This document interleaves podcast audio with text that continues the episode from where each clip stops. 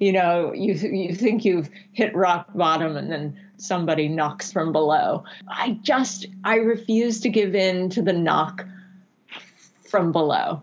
I w- I wanted my values were focused on like I I'm not going to I'm going to have a full life experience. I'm going to live a life in between to the max between seizures. I am going to find a way to life is beautiful the hell out of this.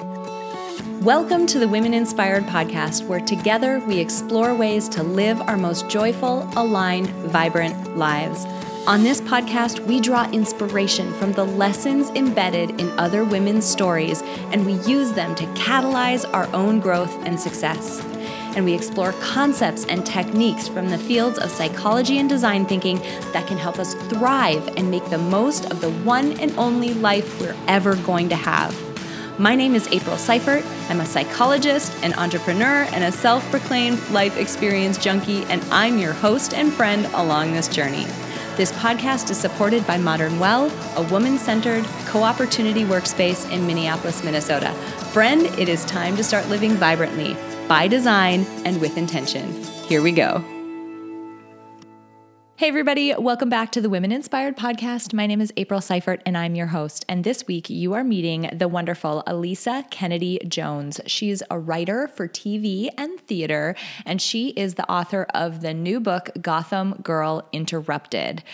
This book is just such an incredible passion project of hers because Alisa, when she was 40 years old, had her first seizure and found herself with the diagnosis of epilepsy.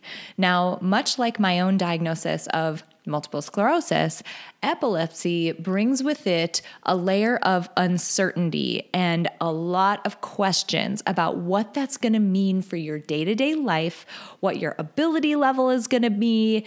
You just end up with so much uncertainty about what the future holds. And not only that, but epilepsy in particular brings with it a lot of stigma and a lot of, you know, uncertainty on the part of, you know, people who aren't even the patient, you know, so other people in society uncertainty around what is a seizure, what's the appropriate thing to do during a seizure when someone else is having one, and what does it mean for the person who's actually experiencing the seizure.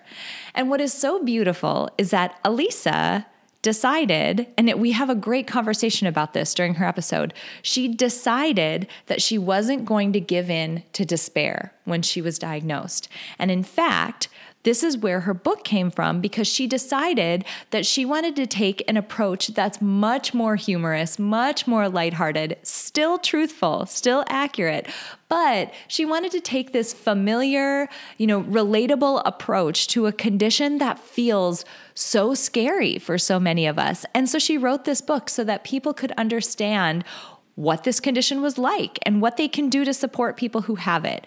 And it is just an incredible conversation. We get into some great conversation about, um, again, not giving into despair and making that decision and what that might mean for people, even people who don't have chronic conditions. We also talk about uh, some fun discussions around the word defiance and the word audacity. I'm just going to leave that one dangling for you to hear it in the interview. And then, two, she has this beautiful advice for all of us that essentially boils down to channeling your beginner's mind and really focusing on the simplistic things in life and zeroing in on details because it's one of the more beautiful aspects of the seizures that she describes as a result of her epilepsy. And I would have never made that connection had I not had this conversation with Alisa. Just on a side note, as we were wrapping up this interview, I was chatting with Alisa, you know, after we had turned the record button off, and I said, "Oh yeah, what are you up to with the rest of your day?" Because she's actually at the time of our recording, this is about mid-May, she was hot and heavy on her book tour, going out to promote her book in all these different places, and she said, "Oh, I'm going to do a little thing for Ellen." like like Ellen DeGeneres. I just died laughing. I'm like, oh, that's cool. No big deal. Uh, you're just talking to me, and then you're gonna go talk to Ellen DeGeneres. Awesome. That's a that's a thing that normally happens. So, anyway, I'm really excited for you guys to meet Alisa because her book is experiencing this massive swell of success, mostly because of the approach that she's taken and her her you know writing ability and her ability to convey something that is a really heavy topic but in a way that is so lighthearted and approachable that you just can't help to just adore her and want to understand it from her perspective. So I can't wait for you guys to hear this interview with Alisa Jones. Alisa, I'm so excited that you're here today. I'm just thrilled that we get to dive into your story and learn from all of the experiences that you've had. Thanks for being here. Ah, thanks so much for having me.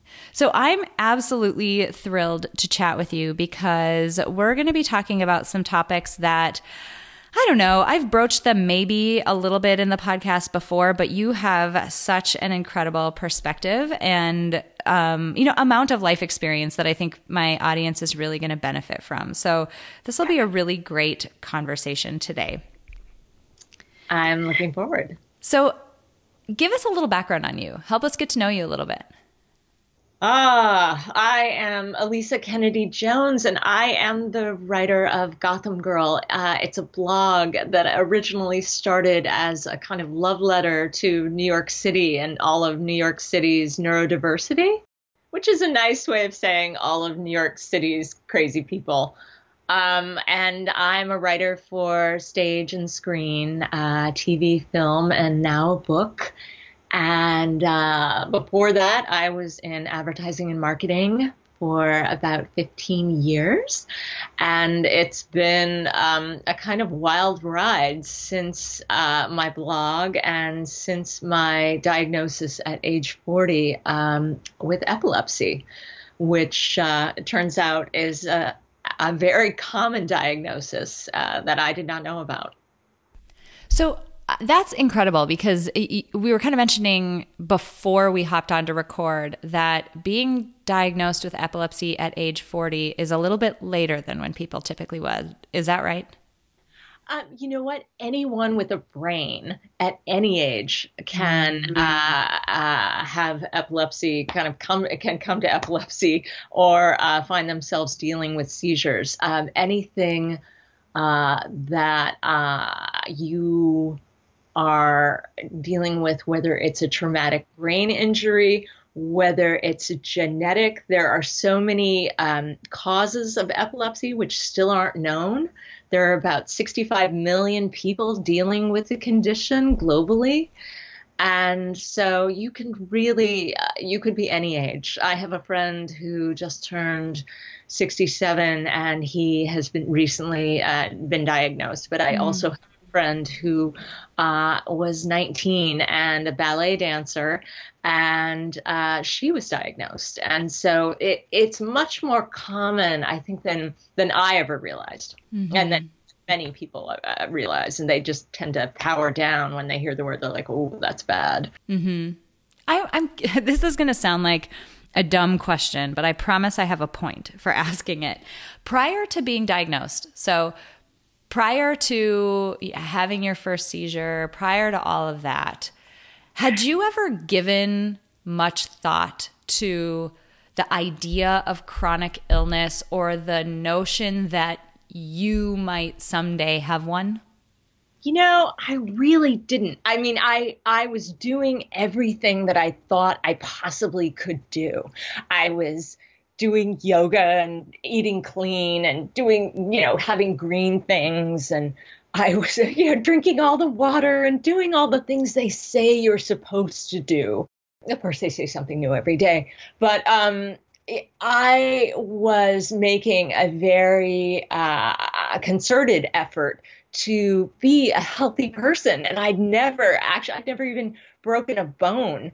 Um, so it, this was all new to me. I was on my way to the television academy, taking my uh, ki- taking kids to see Nanny McPhee when I experienced my first seizure in my kitchen. Mm. Um, there was no history of illness in my family that you know pointed to this sort of thing. So it was. Um, completely new to me. And so I came at it with a sort of, oh, I've had a seizure. Oh, wow, what's that? And um, oh wait, it's, it wasn't until much much um, later in in learning to navigate um, that you know I didn't come to it with any sort of stigma. I had known one person who'd had seizures um, as a child, but I just didn't know to feel any shame about this thing that I couldn't control, which was essentially, you know, that my brain had atypical levels of electricity across both lobes. And it was something I couldn't have even gleaned. I didn't even, I mean, when I was on the table with the EEG person looking like the bride of Frankenstein with and a cyborg with every wire coming out of my head. I mean, I I just I wasn't anticipating the that diagnosis at all um, because I had made such an effort to be healthy but your brain makes other plans sometimes. Mm-hmm. And that's kind of the point that again it seemed like such a dumb question right hey before you got a chronic illness did you ever think you'd have a chronic illness um, it seems like a dumb question but that's the point i want to make and for folks listening to this to drill this home so many of us can walk around and sort of assume that assume that we're in the game like assume that our hand has been dealt assume that how things are now is how they're going to be.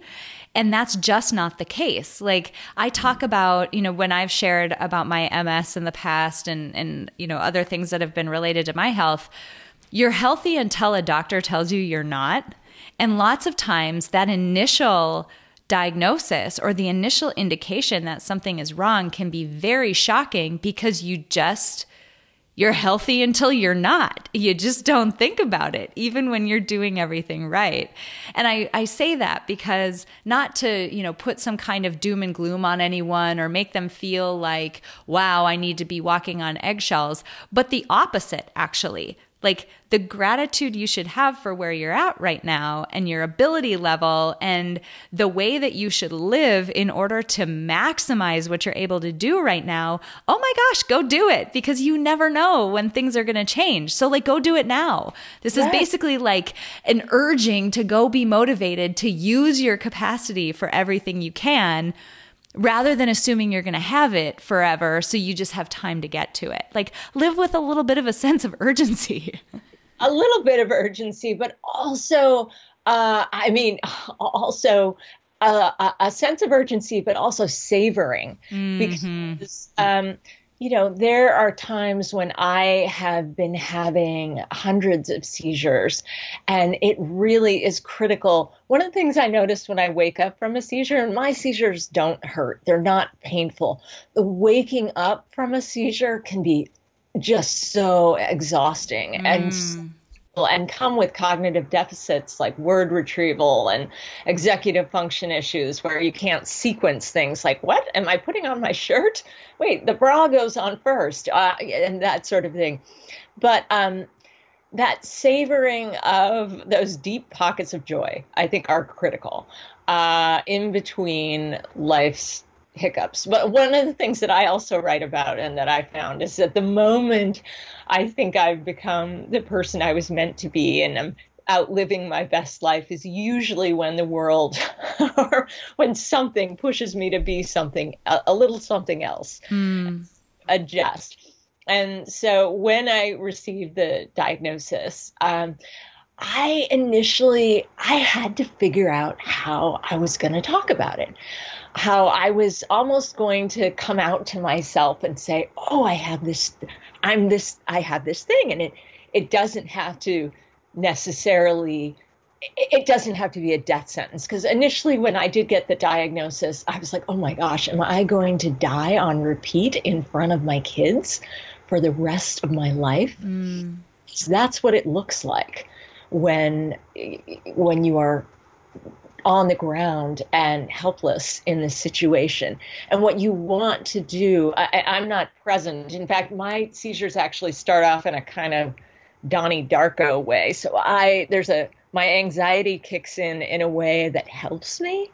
Um, it's almost a signal that that it, something's going to go down, and it's that um, initial prodromal kind of moment like shit's going to go down you better get to the safe soft space and i will see a shimmer um, in sort of the far corner of my vision, but getting the diagnosis that this is going to happen again and again and again and again. I mean, that was that was devastating. Mm-hmm. And that they're a third of all people dealing with their epilepsy you know have difficulty controlling their seizures and aren't necessarily helped by medications. And i didn't you know and am i going to be counting out my days the rest of my days with pills? But mostly i mean i was concerned for the people around me. And what i wanted to do was um, figure out how i would frame it how I would think about it, how I would own the narrative. Um, and so the first bit after my diagnosis was a lot of denial. Denial was my strategy, meaning I'm going to lie. I'm not going to lie. I'm going to, while I figure out and get my brain, no pun intended, around this diagnosis and understand what it is and what I'm dealing with, I'm going to keep it to myself.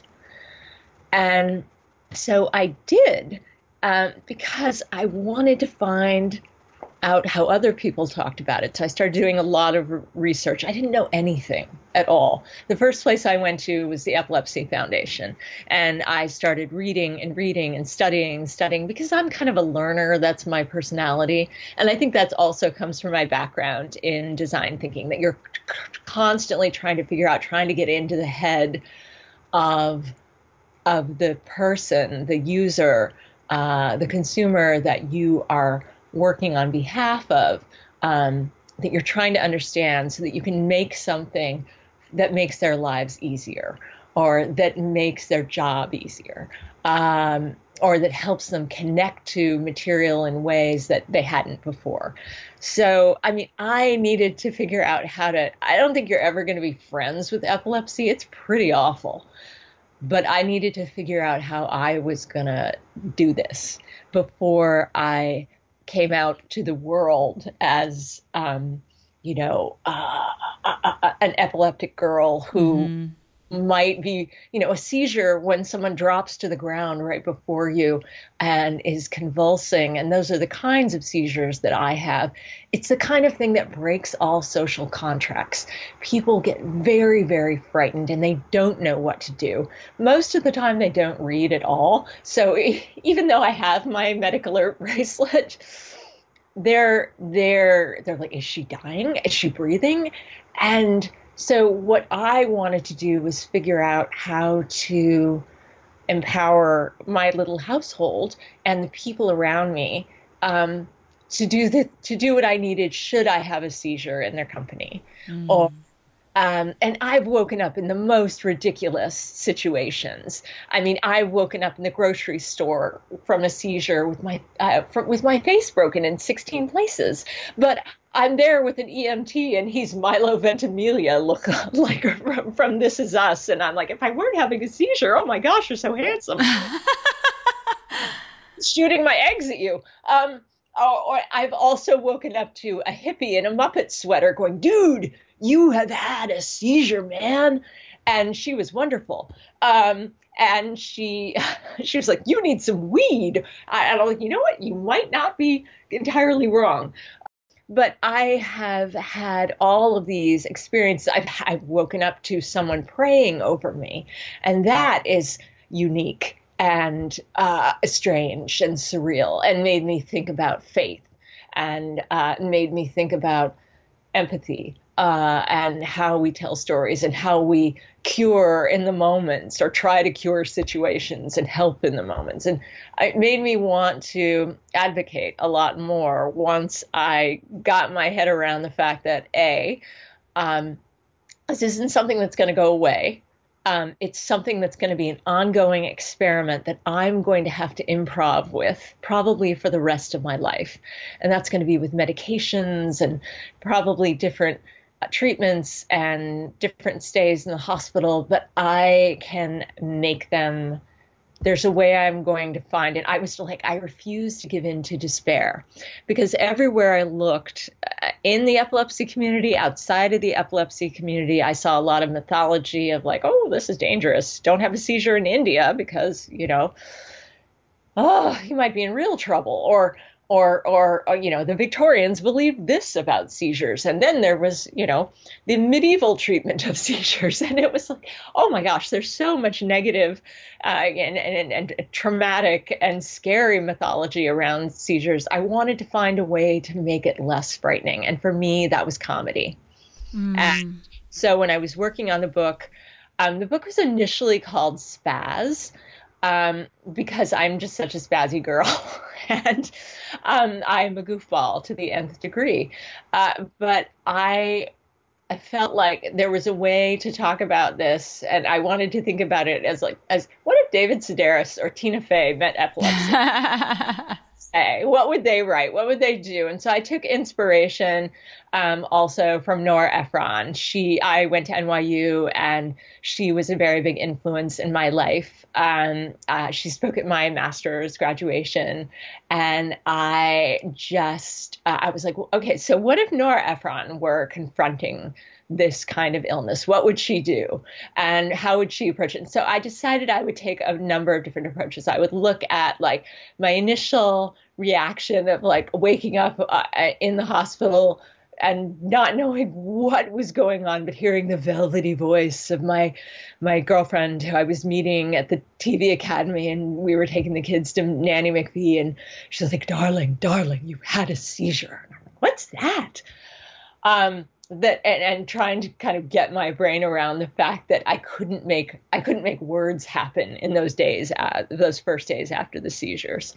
Uh, I was just a, gi- a giant word salad, and I would distrust. I mean, I'd like, go, uh, Sophie, take the, put your dishes in the thing that is the thing that we put the dishes in before the dishwasher. And she, like, the sink? And uh, I would say, I don't think that's a word. Uh, I'm sure, pretty sure that's not. And she's like, Mom, that is definitely a word. That is, uh, and I'm like, oh, I'm going to Google that. Um, so there were a lot of cognitive delays that were alarming. And uh, to me, I was like, oh my gosh, am I going to be like this always? And thank God for neuroplasticity and neurogenesis and the idea that anytime you change up your patterns, uh, you know, you can create new pathways in your brain or rebuild certain pathways. So it's not junk science. Um, in a way you can uh, for me i stayed home and baked a bunch of pies for two weeks till i could get my order and sequencing and language happening again that doesn't always help um, but i needed to figure out but i have a whole chapter on like the pies i have a chapter on faith and what it's like to confront the fact that my seizures are beautiful at the get go. They are ecstatic. It's like being trapped in a Van Gogh painting. I mean, it is the ultimate light show. But then it uh, they fade into these this like really velvety blackness that is so peaceful but there was another part of me in thinking about faith was like where where are all the people where are my bright where's my bright light um shouldn't uh, uh, uh shouldn't there be shouldn't the universe be more interesting or more inventive. And I was very frustrated with the lack of imagination waking up from a seizure. I'm like, so it's just lights out? I mean, this caused a kind of existential despair that I needed to find a way to make fun of or to to investigate and be curious about. Um, so I confronted it that way. I also looked at the history of people um, who were dealing with chronic conditions like epilepsy um, and uh, and seizures. So everyone from Prince who had seizures as a child to Albert Einstein to Agatha Christie to Dostoevsky who had uh, features epilepsy and who suffered um, seizures that he actually really liked, which I find crazy. But um, the kind of ecstatic seizures that he experienced when he in in in his adult lifetime were something that he didn't want to trade away. And uh, i i found that fascinating. Um, but i also found like we need i needed practical solutions for our little household. So there I had to get to know this condition so that I could say, you know what, today is a day where I'm probably going to have a seizure and I need to do something. And we need to have a plan, I, you know, the plan in place. And so I write about what it's like to have that and the metaphors that I use, uh, which is like, oh, okay, mom is werewolfing herself today. Uh, I do not want to hit my head. Um, I, I want, in the event of a seizure, for everyone to know what to do so that they can feel empowered and heroic and know that it's not the, it doesn't have to be the end of the world. Here's what I think is is real. I mean, there were a lot of points that I would love to hit on. The biggest one, though, from the get go, is something that you said that it just hit me right in the heart. You said you refused to give in to despair when you were diagnosed, and that's something that I want to call out because that was a decision right? Like you could have, you could have given into despair. You could have gone the route that, frankly, our minds tend to go. They tend to be very negative, and it's adaptive in some ways for them to be that way. They look for threats, they look for ways to keep us safe. Like they tend to be negative little organs. But you made the decision that when you wrote this book, you were going to write it from a humorous standpoint instead of writing it as this traumatic event you were going to write it from a Tina Fey standpoint. And that's a decision. And I think that's so incredible because so many times on the podcast, I talk to people about how, or I try to drill the point home about you know this notion of radical responsibility. Like we're 100% responsible for 100% of the situations we find ourselves in. Your situation is a beautiful example of that. You weren't at fault or to blame right? Like you you said it yourself. Why should i be ashamed of this thing that i didn't cause? This is just something my brain does. You were not at fault or to blame. Yet when you found yourself in that situation you realized okay I could go forward in a number of different ways, and I'm going to choose to move forward with humor, and I'm going to choose to move forward on somewhat of a crusade to get people to understand this and be a little more familiar with it. And that is a huge stinking deal because it's it's tough in general for people to do that. Like it's hard for people to realize, wow, I really don't enjoy this job. I should start looking for a different one. That's hard for people to admit, let alone what you did, being in a position where you're undergoing something that is massive. It's a massive shift in your life, yet you still chose to go down this path that you picked. It is a massive shift in uh, in a big way, in, in a sort of ideological, philosophical, psychological, emotional way at the same time, it's a big deal on a very practical um, level because epileptics suddenly you're you're not allowed to drive, you're not allowed to swim.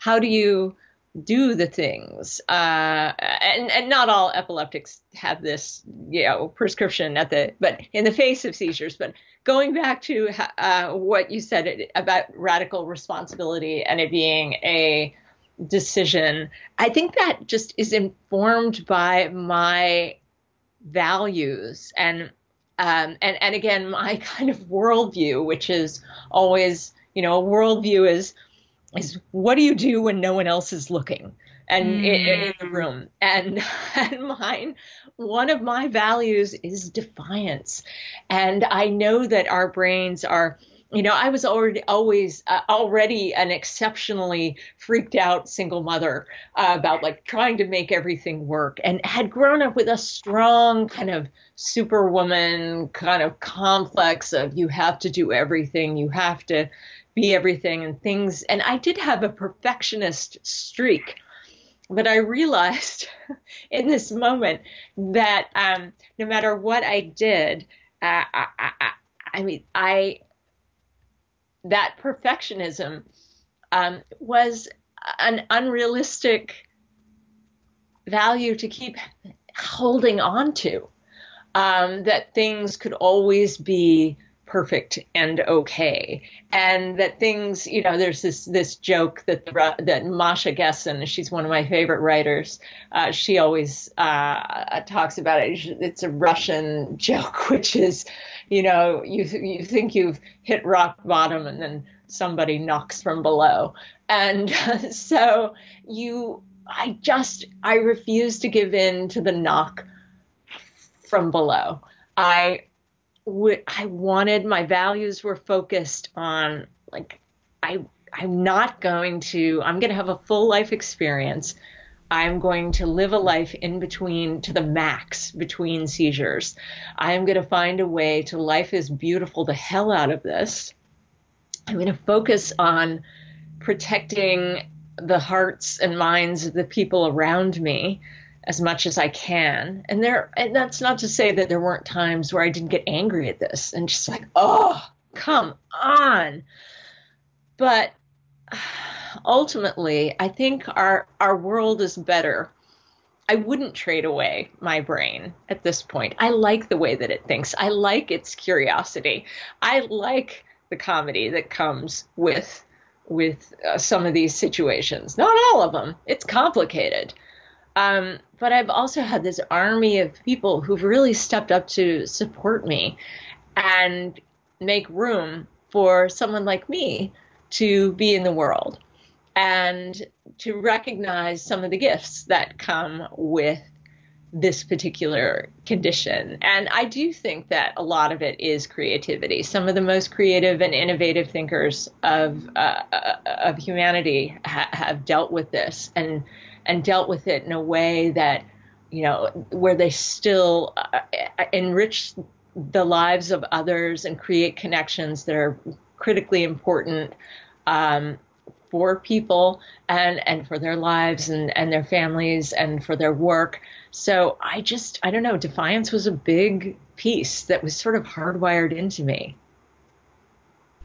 That's incredible when i think about the word that i had to just pause there because it just aligns so well with um, the word that pops into my mind when i think about you know, making decisions for how I might move forward, the word that pops into my mind is always audacity. Like, I'm going to have the audacity to think that maybe this is something somebody like me can do.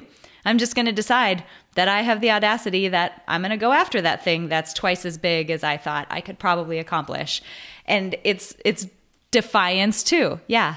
I like it better than defiance. Whatever. I love defiance. That sounds like hardcore. I love it. I was like, I am not no, no, no yes, yes, how am I going to do this? And how I'm going to do this is I'm going to find a way. I mean, I think when you get a diagnosis that's chronic that feels time, the way you think about time changes.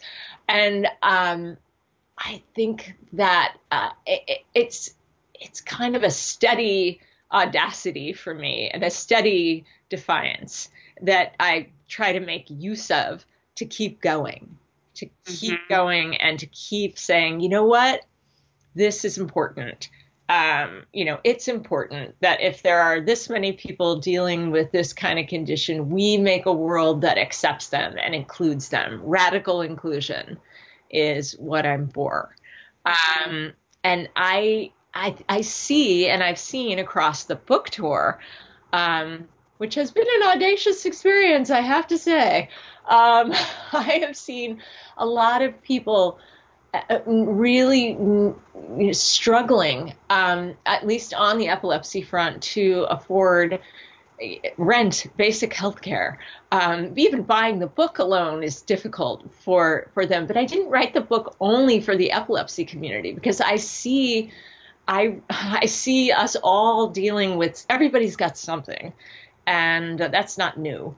Um, but it's like how are you going to make the most and have that full life experience? We always used to call it in my family the FLE. Like, I want to experience all the things, um, good and bad. I'm like, I'll take more good than bad at this point. But I really wanted to tell a better story at, because I saw a lack of hope and I saw a lack of funding. So, yes, a little bit of a crusade, but at the same time, it's complicated when you're on a crusade to for the brain um, because the brain is so complicated and it's evolved over hundreds of thousands of years from mm-hmm. different parts doing different things to about 100,000 years ago, our brains became more integrated and started working in ways that I mean, you can't even, that we couldn't even imagine. We still can't imagine. I mean, I, I say, I quote this neurologist that, I mean, you think you know, with a hundred billion cells in your brain, you think the brain is weird, but the brain is weirder than you can think. And we need to be, that's our frontier. And that's what we need to be thinking about how, and whether you're dealing with anxiety and depression. And I talk a lot about that in the book because even as I was being diagnosed, as the doctor was telling me that, you know, I was 80% likely to have a seizure in the next 24 hours, just hearing the word seizure, um, uh, I, because I'd had one and my brain had been somewhat kindled at that point. Um, I, I, just hearing the word seizure was enough to induce a seizure, and just hearing it was like anxiety provoking. And so, how do you walk around and learn to live with that kind of uncertainty? Um, but also, waking up from a seizure to like, you know, that sounds awful living with that kind of uncertainty. Um, what it forces you to do is to kind of create a portable routine that lets you how do you how do I come out of a seizure? How do I best heal from what's the episode that's just happened without being too, you know, airy fairy or airy anything? Um, I, I I suddenly knew the kind of I the practical things that I needed to get back to me. And one of the things that is the most important thing a chronic a person with chronic conditions can uh, can hear is you're still you. You're okay. That you're okay. We got you. We got you. And that's what a lot of people I saw in the epilepsy community, you know, they needed that you're still you. You're still okay. This doesn't entirely define you. You can still have a rich, wonderful life why shouldn't you have a rom com fabulous life? Why shouldn't you have a full, rich relationship uh, and personal life? Why shouldn't you uh, go to uh, that theater or that concert? There are moments to be had here that can be amazing and incredible, but it is a lot in how we say yes and to that next bit of chronic illness. Because again, it, you're talking about dealing with potentially a lifetime of struggle. Mm-hmm. Totally. I'm. Uh, there are so many directions that I can go, but I guess um, I'm trying to think of the. There's so much practical knowledge in what you're saying that applies to everyone, not just people who have chronic conditions, not just people who have epilepsy even more specifically. Um, if you could talk directly to somebody who, um, you know, isn't living with that sense of urgency that we talked about before and isn't savoring the things that are happening in their life right now and maybe isn't living their full what was the acronym you used say that one more time Oh, the FLE. FLE. They're not living their FLE. Um, what what would you say to them? Like, I would love to hear a message directly from you, somebody who is you know aspiring so much to do these things. What would you say to someone like that? Oh, I'd probably quote Mary Oliver to them, and I would say because when I wake up from a seizure, there's this weird thing that I have, and it's like I can only look, I can only see things that are really close up and look really closely at things. And I know a number of stroke patients who've had the same experience um, where they wake up with a kind of beginner's mind um, where everything is technicolor mm. and everything feels a, a, a kind of beginningness. And I think that if you can find a way to channel that again uh, that sense of beginningness that close up because if you look at anything close up it can get very very very very interesting. And we live in a world where we're pummeled with so many messages and so much stimuli 24/7 with an endless news cycle. Sometimes it, it's really helpful to let yourself get bored looking at something that might seem very simple like a pattern of a leaf on a tree. And I know that sounds kind of new agey and whatnot, but I mean, there are some times when I've woken up where uh, from a seizure where I can only look at the grain or the weave of a certain fabric. And it become, and I start to understand and see things in, in a newer or brighter or louder or more in a different way. Um, so it goes back to quantum it goes back to physics. You know you change the way you look at things the things you look at change and that's max planck. I would give those i would give that advice to someone. I would say look around the world and be amazed. Just be amazed and that's mary oliver as well. And then jot it down because words matter and everything you say and do oh, oh, it matters. And it can help someone in the moment that you don't even know that you're helping them. That was beautiful. Where can we find more information about you and about your book? Uh, the book is everywhere.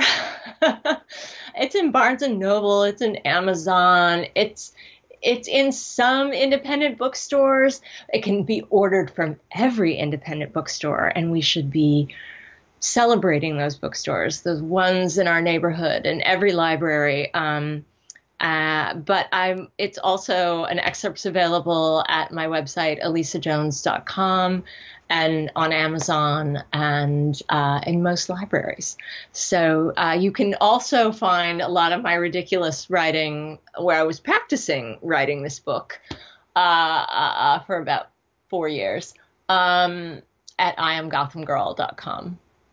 Awesome. This has been so wonderful. Alisa, I have to say thank you for being so open about your experience with this condition. As you mentioned earlier, you know, you didn't realize that, you know, you were supposed to be ashamed of the condition that you have. But for the you know the truth of the matter is a lot of people are ashamed for the experience that they're going through with whatever chronic condition it might be.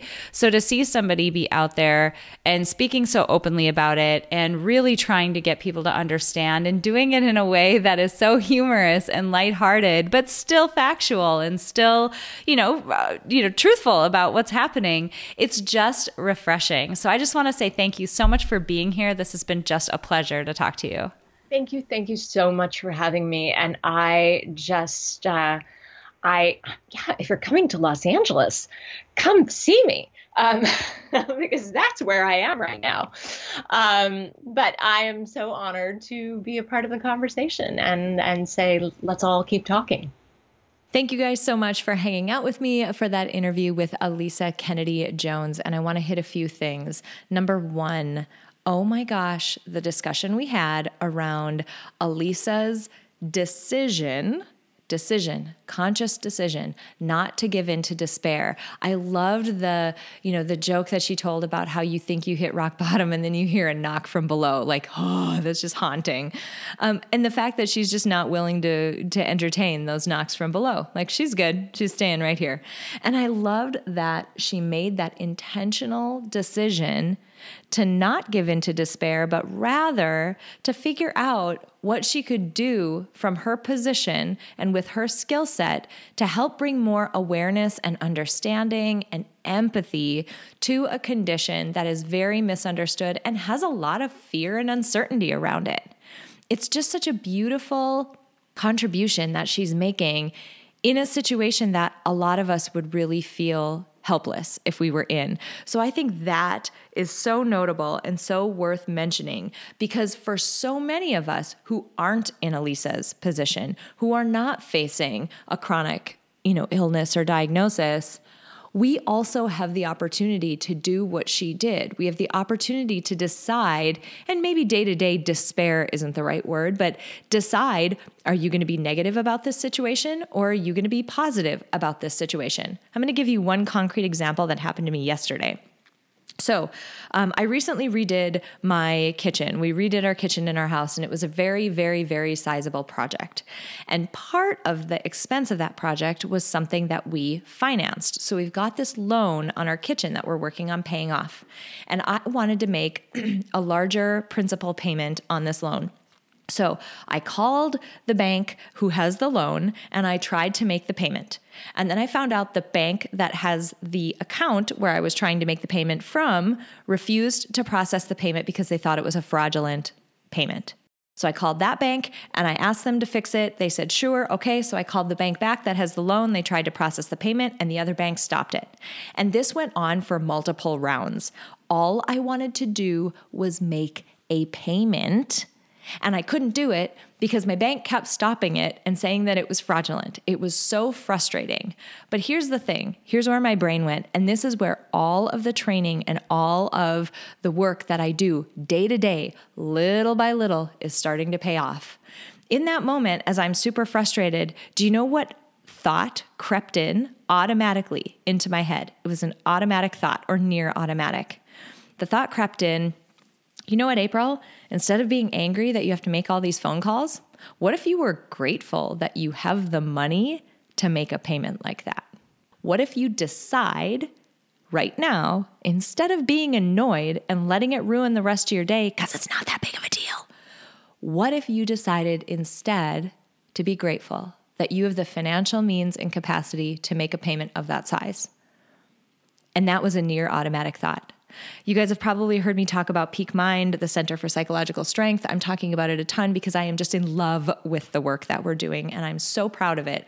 But as part of a membership in Peak Mind, one thing that we offer our members or encourage them to participate in are monthly challenges. These monthly challenges are the work that I've been doing on the side to get my brain to operate in this way nearly automatically. It takes a lot of intentional training. It takes, you know, consistent pushes in this direction that you want your brain to go to retrain it to have a new habit, but it is possible. You know, Alisa mentioned this concept of neuroplasticity during our interview, and I didn't go there because we were starting to get, you know, long and she was already going down so many amazing places that I didn't ask about it. But it's relevant here. Your brain is has this capacity to rewire itself, and you can train it to wire itself in a direction that's more favorable for you. And so it was beautiful because one, Alisa made this decision that she was going to not give in to despair and, in fact, use this platform to do something positive. And on a much smaller scale, a tiny, tiny scale, I made that same decision when I said, you know what, I'm not going to be annoyed. I'm going to decide I'm grateful because I have the money to make the payment. How many of those decisions can you make on a daily basis?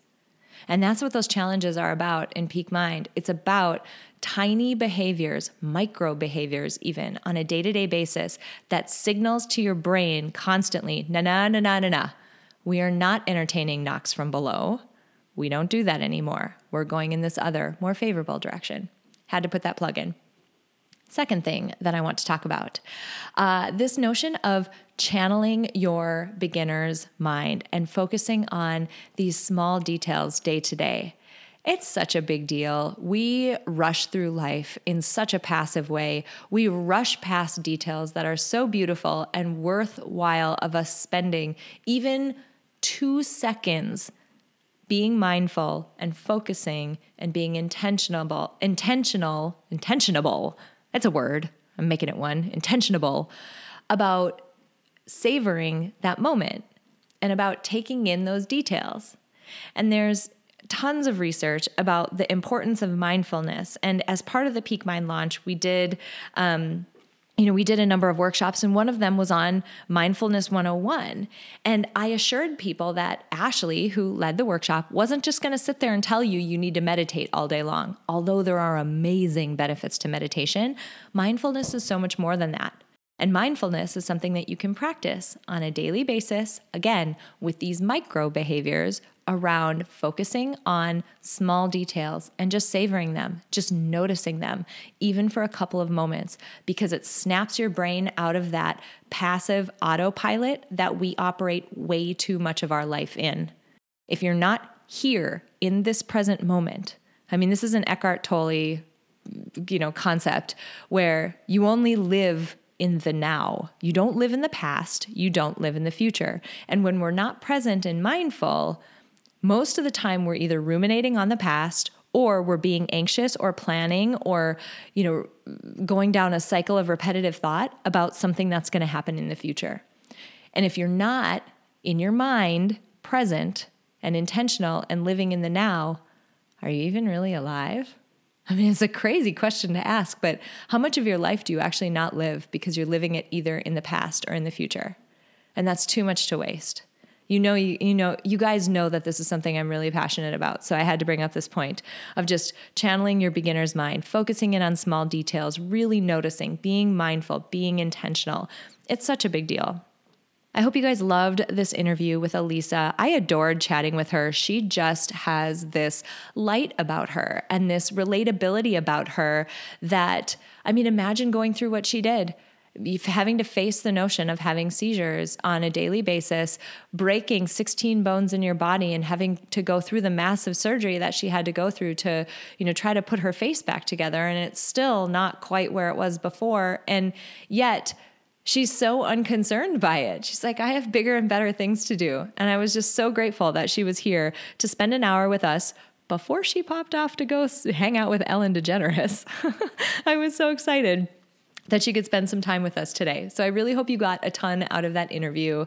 Thank you so much, truly, from the bottom of my heart. Thank you so much for being my friend along this journey with this podcast, for showing up every week. You have no idea how much it means for leaving ratings, for leaving reviews, for sharing these episodes with friends, for tagging me on social media. I appreciate it more than you can ever understand. So thank you so much, and I will see you next week. Before we close out today, I want to say thank you to my producer, Cameron Hill, and to my incredible sponsor, Modern Well. If you want to learn more about how you can reach your goals in a one of a kind work life community, visit www.modernwell.co. If you enjoyed this episode, please share it with someone else who might benefit from this inspiring message. And if you have a moment, click the link in the episode description to leave me a rating and a review on iTunes. It would mean so much to me. Finally, I want to remind you that it is absolutely possible to live a happy, fulfilling life, even in spite of all of the chaos and demands we all experience. Sign up at aprilseifert.com to gain access to tools that will help you do just that. I have carefully created and curated a set of tools that combine the powerful fields of psychology and design thinking to help you intentionally create a fulfilling, happy life you love. Thank you so much for joining me this week, and until next week, stay inspired.